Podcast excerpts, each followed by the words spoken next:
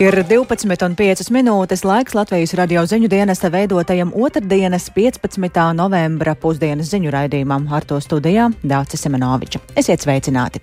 Un vispirms par to, ko vēstīsim šīs dienas raidījumā. Ja Krievija vēlas mieru, tad tas ir jāapliecina ar darbiem, tā uzrunājot pasaules ekonomiski ietekmīgākās valstis, sacīs Ukrainas prezidents, tikmēr Indonēzijas prezidents uzsver, ka G20 valstīm ir jāpalīdz izbeigt karu. Mums nevajadzētu sašķelt pasauli. Mēs nedrīkstam pieļaut, ka pasaule tiek ierauta jaunā augstajā karā. Programmā skaidrosim arī, ko varam gaidīt no Latvijas ārstu biedrības vadības vēlēšanām. Vai tas nozīmēs pārmaiņas un organizācijas ietekmes maiņu? ņemot vērā, ka tās personāla īsti nemainās, tas nozīmē, ka arī patiesībā pati ārsta sabiedrība nevisai naski ir uz tām pārmaiņām un iespējams viņus apmierina tas status quo. Un runāsim arī par to, ka likvidēs pārresoru koordinācijas centru, to pievienojot valsts kancelējai.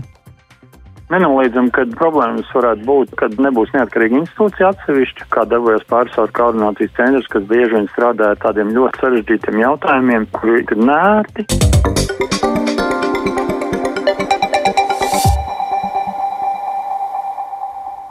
Ukraina vēlas mieru, bet Krievijai ar darbiem ir jāpliecina, ka tā grib izbeigt pašas sākto karu. Savukārt pasaulē nevajag piedāvāt Ukrainai kompromisus, kas ir saistīti ar tās teritoriju un neatkarību. To šodien uzrunājot pasaules ekonomiski ietekmīgāko jeb G20 valstu vadītājus, sacīja Ukrainas prezidents Volodimirs Zelenskis. G20 līderi ir sapulcējušies, lai apspriestu globālos izaicinājumus un vairāk par to stāsta Uldis Česberis. Turistu iecienītajā Bali salā Indonēzijā ir sācies G20 līderu samits, kur viens no centrālajiem jautājumiem būs Krievijas izvērstais karš Ukrainā. Atklājot sanāksmi, Namatēvs Indonēzijas prezidents Džoko Vidodo paziņoja, ka G20 valstīm ir jāpalīdz izbeigt karš, kas lielā mērā ir vainojams pie augstajām energoresursu un pārtikas cenām pasaulē, kādēļ miljoniem cilvēku draud bats. Mums nevajadzētu sašķelt pasauli. Mēs nedrīkstam pieļaut, ka pasaule tiek ierauta jaunā augstajā karā. Mums ir jābeidz karš. Ja karš nebeigsies, tad pasaulē būs sarežģīti virzīties uz priekšu. Samita dalībniekus ar video starpniecību uzrunāja arī Ukrainas prezidents Volodimirs Zelenskis. Viņš sacīja, ka Krievijas izraisītais karš ir jāizbeidz, bet tam ir jānotiek respektējot Ukrainas likumiskās tiesības. Nevarta proponovat Ukraiņi kompromisi sovistu. Nav vērts piedāvāt Ukrainai kompromisus ar sirdsapziņu, suverenitāti, teritoriju un neatkarību. Mēs cienām noteikumus un esam tauta, kas tur savu vārdu. Ukraina vienmēr ir bijusi līdere miera nodrošināšanā, un pasaule to ir redzējusi. Ja Krievija saka, ka it kā vēlas izbeigt šo karu, tad lai pierāda to ar saviem darbiem. Skaidrs, ka Krievijas vārdiem nevar ticēt, tāpēc nebūs nekāda Minska trīs vienošanās, ko Krievija pārkāptu uzreiz pēc parakstīšanas. Ja nebūs konkrētu darbību miera atjaunošanai, tas nozīmēs, ka Krievija vienkārši vēlas atkal jūs visus maldināt, apmānīt pasauli un iesaldēt karu tieši tad, kad tās sakāve ir kļuvusi īpaši acīm redzama. Mēs neļausim Krievijai nogaidīt, sakopot spēkus un sākt jaunu terora un globālās destabilizācijas sēriju Krieviju. Esmu pārliecināts, ka ir īstais laiks, kad Krievijas postošo karu var un vajag apturēt. Що саме зараз треба і можна зупинити руйнівну російську війну. Zelenskis uzsvēra, ka karš varēs beigties tikai tad, kad Krievija izvedīs karaspēku no Ukrainas teritorijas, tostarp Krīmas, samaksās kompensāciju par Ukrainai nodarīto kaitējumu un atzīs Ukrainas teritoriālo nedalāmību. Pirms samita atklāšanas divpusēju tikšanos aizvadīja Francijas prezidents Emmanuels Macrons un Ķīnas vadītājs Xi Jinpings. Xi ir ietekmīgākais Krievijas prezidenta Vladimira Putina sabiedrotais, un līdz šim viņš ir izvairījies atklāti kritizēt Kremļa saimnieka lēmumu uzsākt karu Ukrainā. Savukārt Makrons ir viens no retajiem rietumvalstu vadītājiem, kurš turpina uzturēt kontaktus ar Putinu. Makrons Ķīnas prezidentam sacīja, ka Francijai un Ķīnai ir jāapvieno spēki, lai atbildētu uz starptautiskajām krīzēm, piemēram, Krievijas karu Ukrainā. Viņš mudināja Sī pārliecināt Putinu, neeskalēt situāciju un nopietni apsvērt iespēju sēsties pie sarunu galda. Savukārt Sī tikšanās laikā nav tieši minējis karu Ukrainā, bet norādījis, ka pasaule pašlaik piedzīvo brāzmainus pārmaiņu laikus, kuru pārvarēšanai ir nepieciešama atvērtība un sadarbība. Mediju rīcībā ir nonācis G20 samita gala paziņojuma uzmetums, kurā esot teikts, ka vairums G20 valstu stingri nosoda Krievijas uzsākto karu Ukrainā. Tajā arī pausta nožēla par kara Ukrainā negatīvo ietekmi uz globālo ekonomiku. Uldis Česberis, Latvijas radio. Un turpinot par G20 šī sanāksme varētu izgaismot valstu ļoti atšķirīgu attieksmi pret Krievijas agresiju Ukrainā, ko virkne valstu, tostarp Ķīna un Indija, ir izvairījušās nosodīt. Tā saka Latvijas ārpolitikas institūta direktora vietnieks un Rīgas Stradiņa universitātes lektors Mārtiņš Vargulis. Uzsvarot, ka spiediens uz Krieviju būs liels, bet tas vai vienosies par skarbu valodu pret Krieviju G20 noslēguma dokumentos, vēl ir atvērts jautājums, bet visas valstis ir ieinteresētas, lai Krievijas karš Ukrainā pēc iespējas ātrāk beigtos. Karš Ukrainā arī šīm G20 bagātāko pasaules valstu klubiņām ir iesitis ievērojami pa ekonomisko kabatu, proti tas, eh, nu, ir radīt liels izaicinājums eh, - inflācija, energoresursu cenas un kam sakne ir meklējumi šajā mm, Krievijas uzsāktajā karā. Tāpēc visas valstis arī ir ieinteresētas eh, šo karu izbeigt. Kopš Krievijas iebrukuma Ukrainā Latvijā ir bijuši vairāki aicinājumi palīdzēt Ukrainas iedzīvotājiem un karavīriem, ziedojot apģērbu, pārtiku, naudu, arī pinot maskēšanās tīklus, un iedzīvotāji tādi, tādējādi ir apliecinājuši savu nostāju par Ukrainas neatkarību. Šodien, pēc brīža Rīgā pie kongresnām atklās vēl vienu kampaņu, aicinot iesaistīties, un, lai runātu par to, esam sazinājušies ar kolēģi Viktoru Demīdovu. Sveiks, Viktor! Sveika, Dārts! Sveicināti Latvijas radio klausītāji! Kam šajā reizē cilvēkus aicina ziedot? Jā, šobrīd es atrodos pie Rīgas kongresa nama un pretim Krievijas federācijas vēstniecībai. Spītējot tādai kā lietus dušai pēc kādām tām 15 minūtēm atklās Latvijas militārās industrijas ekspo un ziedot LV kampaņu. Un šajā reizē uh, sabiedrība ir aicināta uh, ziedot vietējo ražojumu piegādēji Ukrainai. Tātad laukumā uh, pie kongresa nama ir apskatāmi dažādi aparāti, piemēram, droni un tādi kā skūri skūteri uh, un dažādas militārās vienības, kas visas ir ražotas šeit pat Latvijā. Lai iedzīvotājiem būtu izpratne par Ukrainai nepieciešamajām lietām, kuru iegādēji viņi var palīdzēt, ša, šīs militārās vienības varēs apskatīt līdz uh, 9 vakarā šo, šodien līdz 9 vakarā.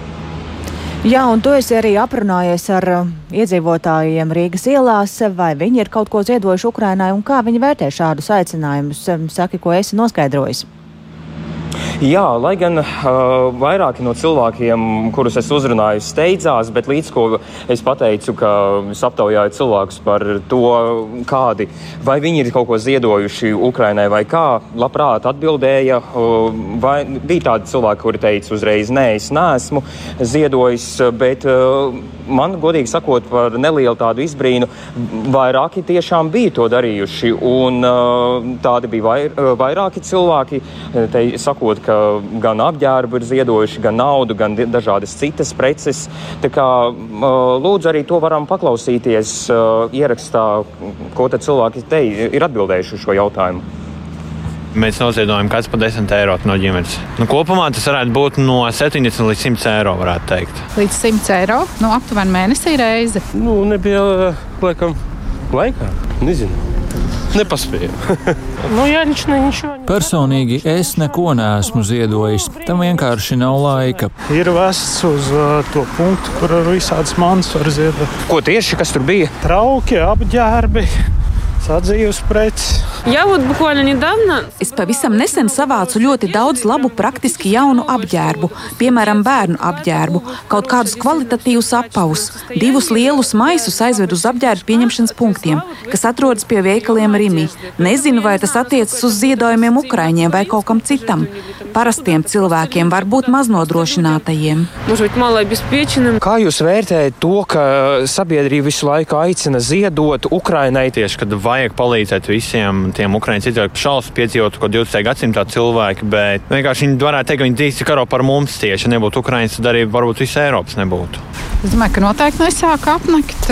Es domāju, ka tas iemesls, kādēļ varbūt mazāk ziedoja, viens, ka pierod pie tā, ka ir karš, un otrs, nu, iespējams, ka daļai iedzīvotāju ir sākusies ziema un varbūt nu, piedomā vairāk par saviem tēriņiem, izdevumiem.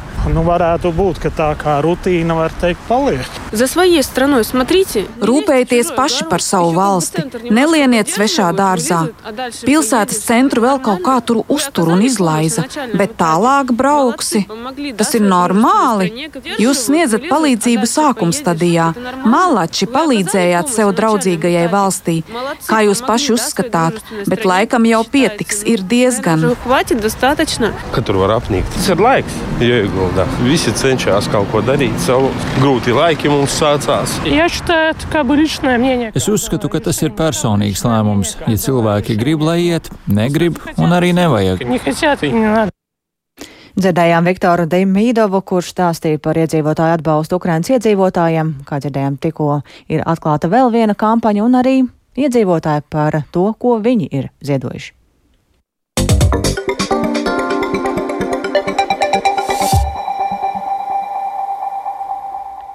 Šodien trijos pēcpusdienā uz pilnsapulci sanāks Latvijas ārstu biedrības biedri, lai vēlētu jauno organizācijas vadītāju un citu vadošu amatu pretendentus.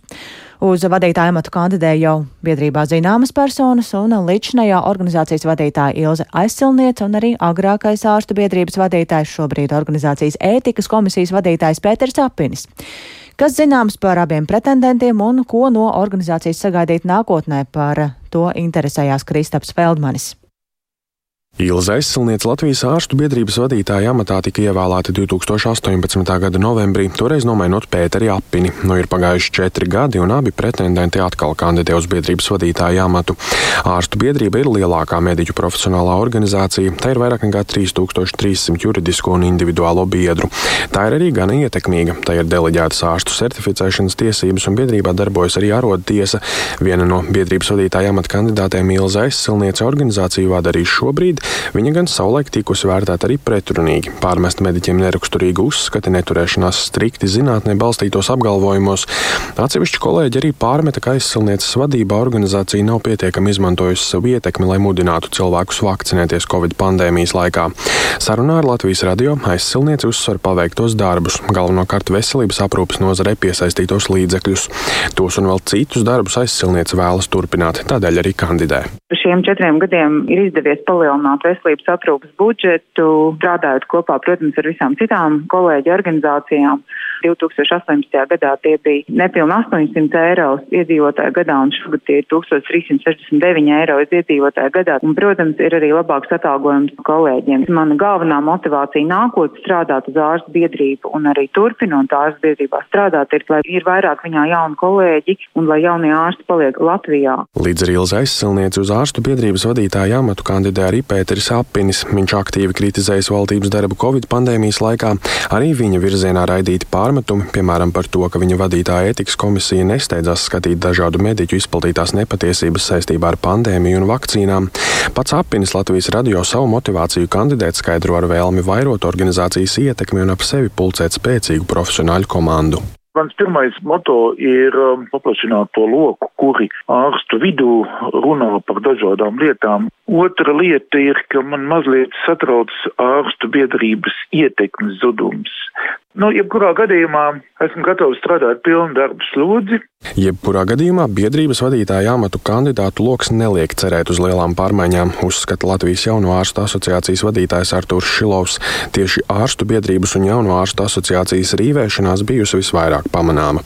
Šilovs cer uz labāku sadarbību nākotnē, taču uzsver, tas iespējams, ja ārstu biedrība ievēros jauno ārstu asociācijas sarkanās līnijas. Ņemot vērā, ka tās personālijas nemainās, tas nozīmē, ka arī patiesībā pati ārstu sabiedrība nevisai naski ir uz tām pārmaiņām, un iespējams viņus apmierina tas status quo, kas ir bijis visus šos pēdējos gadus. Es teiktu, nav vienkārši savākusies kritiskā masa. Protams, mēs izskatīsim visas iespējas, bet kaut kādas sarkanās līnijas mums ir. Tā ir uh, pierādījumos balstīta medicīna, tā ir darbība pacientu un ārstu labā, nevis kaut kāda šaura loka interesēs vai mēģinot darboties pretvalstiski vai vienkārši destruktīvi. Jāatgādina, ka ārstu biedrības pilnsapulce notiks šodien trijos pēcpusdienā Rīgas Stradiņu universitātē. Bez vadītāja biedriem jāievēl arī viceprezidenti valde, kā arī revīzijas, izglītības un ētikas komisiju, certifikācijas padomus un arotiesas sastāvs Kristaps Feldmanis, Latvijas radio.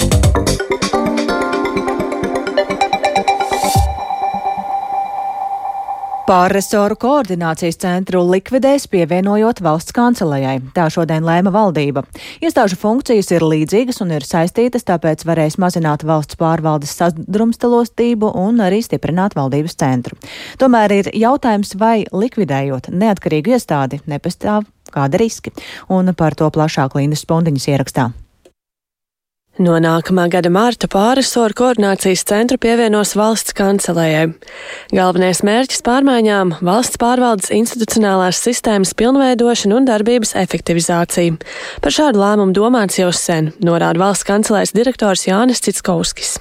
Pārisoru koordinācijas centram gada sākumā tika desmit gadu jubileja sagaidīta, bet jāatzīst, ka nu, vismaz piecus gadus atpakaļ arī bija jau šāda diskusija un viņi atjaunojās pagājušā gada beigās.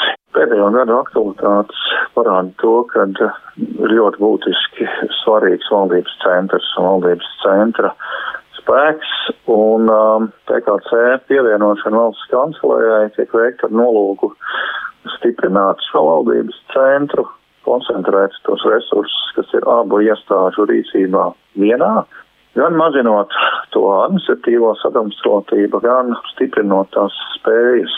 Nodarbināto skaits netiek mazināts, 25 amata vietas saglabās. Pārresoru koordinācijas centra galvenās funkcijas - valsts ilgtspējas attīstības stratēģijas izstrāde, uzraudzība, nacionālās attīstības plāna izstrāde, dažādu nacionālo plānu uzraudzība, valdības deklarācijas izstrādes koordinēšana paliek, norāda Citskovskis. Pārisoru koordinācijas centra uzdevumi nekur jau nepazudīs. Tam piekrīt arī centra vadītājs Pēteris Vilks. Nenoliedzam, ka nu, problēmas varētu būt, kad nu, nebūs neatkarīga institūcija atsevišķa, kā darbojas pārisoru koordinācijas centrs, kas bieži vien strādā ar tādiem ļoti, ļoti sarežģītiem jautājumiem, jautājumiem, kuri, ja tā var teikt, ir nērti. Baltijas korporatīvās pārvaldības institūta vadītājs Latvijā Andris Grafs norāda, ka šobrīd ir vairāk jautājumu nekā atbilžu par to, cik efektīvi būs pārisoru koordinācijas centra pievienošana valsts kancelējai. Pārisoru koordinācijas centrs pamatā nodarbojas diviem uzdevumiem, kur viens ir valsts attīstības plānošana kur šīs valdības centra stiprināšana varētu būt nu, salīdzinoši loģiska izvēle, bet nu, tur, protams, jāatcerās, ka pirms vairāk kā desmit gadiem tieši ar šo efektivitātes karogu nu, šo uzdevumu izņēma no valsts kancelējas ārā un izveido šo pārstāvu koordinācijas centru. Bet otrs bloks par šo kapitāla sabiedrību pārvaldību skaidrs, ka šis jautājums nedrīkst pazust no valdības dienas kārtības, jo šī izaicinājumi ir, ir daudzi. Tas lielais jautājums, vai maza un efektīva pārvalde tieši attiecībā uz kapitāla sabiedrību jautājumiem būtu labāk īstenojama tiešā premjera pārziņā Grāfs piebilst, ka ir bijušas situācijas, kad pārisoru koordinācijas centra viedoklis atšķiras no nozara ministrija viedokļa, tāpēc ir jautājums, vai likvidējot neatkarīgu iestādi, darbinieku pretējā viedoklī ieklausītos. Linda Spundiņa, Latvijas radio. Saimas komisiju izveidi plāno noslēgt nākamnedēļ, un tad arī deputāti varēs sākt pilnvērtīgi strādāt tajās. Saimas priekšsēdētājs Edvards Smiltēns no apvienotā saraksta atzīst, ka komisijas varēja sākt veidot jau ātrāk, taču deputātiem un frakcijām vajadzēja laiku. Vairāk Jāņu Kīņš ierakstā. 14. saimas pirmo sēdi sanāca 1. novembrī, kad deputāti deva zvērestu vai svinīgo solījumu, kā arī ievēlēja saimas prezidiju. Pēc tam parlamentārieši pulcējās arī uz sēdi par godu saimas simtgadēji, taču plašāka darbība līdz šim izpalikusi. Saimas prezidija un frakciju padome beidzot virzīs uz saimas sēdi lēmumu projektu par saimas pastāvīgo komisiju izveidošanas principiem. Saimas priekšsādātājs Edvards Smiltons no apvienotā saraksta skaidro, kāpēc līdz tam bija jāgaida divas nedēļas. Varēja ātrāk. Ne, protams, ka varēja ātrāk, bet uh, es respektēju arī opozīcijas vēlmes. Man arī individuālā kārtā ir jautājuši par laiku, kad aptuveni plānots ir veidot šīs komisijas. Jo jauniem deputātiem saprast tieši un iepazīties ar saimnes struktūru un darbu, kura komisija tieši par kuriem jautājumiem ir atbildīga, saprast frakcijās, kā izkārtot šo savus spēkus, izkārtot komisijās. Ja? Tas arī nav vienkāršs uzdevums. Un, un tad arī frakcija iekšienē, demokrātiskā procesā bieži vien ir jānonāk līdz tam zālamam lēmumam. Tas gal galā ir četru gadu posms, kur deputāts, ja viņš ieņem šo pozīciju, tad, tad viņam arī ir šos pienākums jāpild. Nu, un šis ir īstais mirklis, lai virzītos tālāk. Paredzēts, ka saimnes frakcijām nākamās nedēļas sākumā būs jāiesniedz deputātu saraksti ar deleģējumu darbam konkrētās saimnes komisijās. Šos sarakstus saimnes sēdē varēs apstiprināt nākamā ceturtdiena. Sekojoši tam saimnes sekretārs Armants Kraus no Zaļo zemnieku savienības sasauks visas saimnes komisiju pirmās sēdes. Nākošā nedēļas ceturtdienā varētu komisijas apstiprināt saimā. Tad ķerās klāt sekretārs un sāk saukt komisijas sēdes. Nu, man tas plāns ir, ka tas nekur nekavēšos. Nu, es vēlētos jau uzreiz sākt nākošu ceturtdienu un piekdienu veidot viņus, jo viņš aizņem divas dienas. Tur ik pa pusstundai, kamēr visas komisijas tur balso, un sekretārs novada to sēdi līdz priekšsēdētāju ievēlēšanai. Bet vai visu šo procesu, jūsuprāt, varēja organizēt arī ātrāk? Principā šito darbu varēja, nu, labi, nu, varbūt tas ir paspēlēt pirmā, otrā sēdē neizveidot tas komisijas, bet, nu, viņi varēja ļoti sen jau to izdarīt. Bet ir politiski apsvērumi dēļ pavaldību kavējās ar savām jomām atbildības. Nu, loģiski arī tad vēl saimā tas debats tāpat ir ievilkušās pa komisijām, un tāpēc tas ir aizskavējies. Līdzīga saimnes darba organizācija iekavējās arī pirms četriem gadiem. 13. saima par deputātu ievēlēšanu parlamenta komisijās lēma tikai 20. novembrī, trešajā nedēļā pēc saimnes deputātu pilnvaru apstiprināšanas. Tātad šoreiz tas notiks vēl mazliet vēlāk. Turklāt pēc valdības apstiprināšanas paredzams, ka vairāki deputāti kļūs par ministriem, kuru vietā apstiprinās citus deputātus, tāpēc vēl vairāk kārt mainīsies arī komisiju sastāvs. Līdztekus ar dokumentiem par saimnes komisiju izveidi saimnes priekšsēdētājs plāno iesniegt lēmumu projektu, ka parlamentārā līmenī nenotiks arī nekāda sadarbība ar Krieviju vai Baltkrieviju. Jānis Kincis, Latvijas Radio.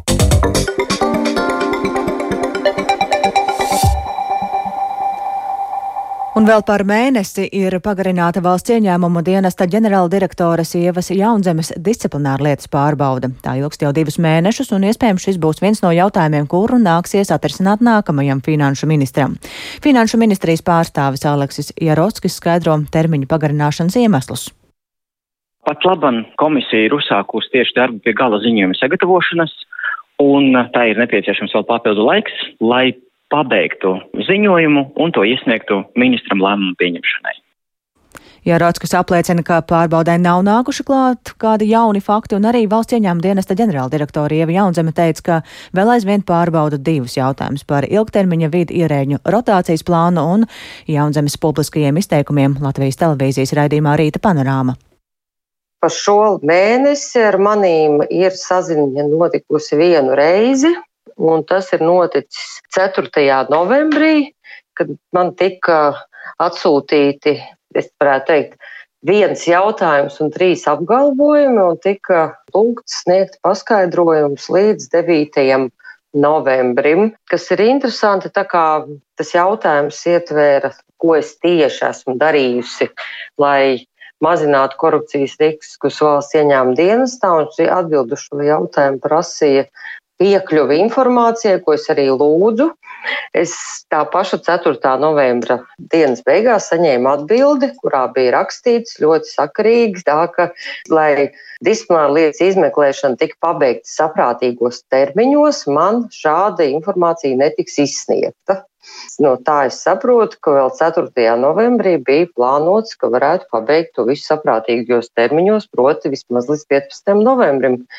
Bet kā to apliecina vakar saņemtais lēmums, tas nav izdevies. Nu, tas jau komisijai labāk redzams, kas ir saprātīgi termiņi. Jāpiebilst, ka likums pieļauj disciplināru lietu pagarināt līdz pat pusgadam.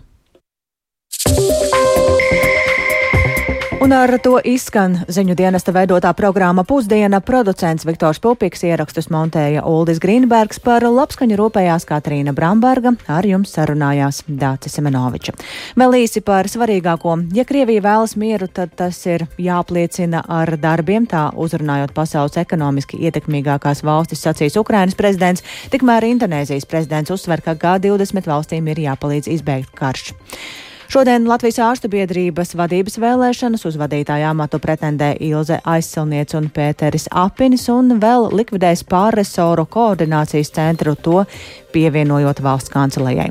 Mūsu ziņām var sekot līdzi arī Latvijas radio viens Facebook lapā, tāpat arī sabiedrisko mediju ziņu portālā LSMLV un meklējiet arī mūsu raidierakstu platformās kā dienas ziņas.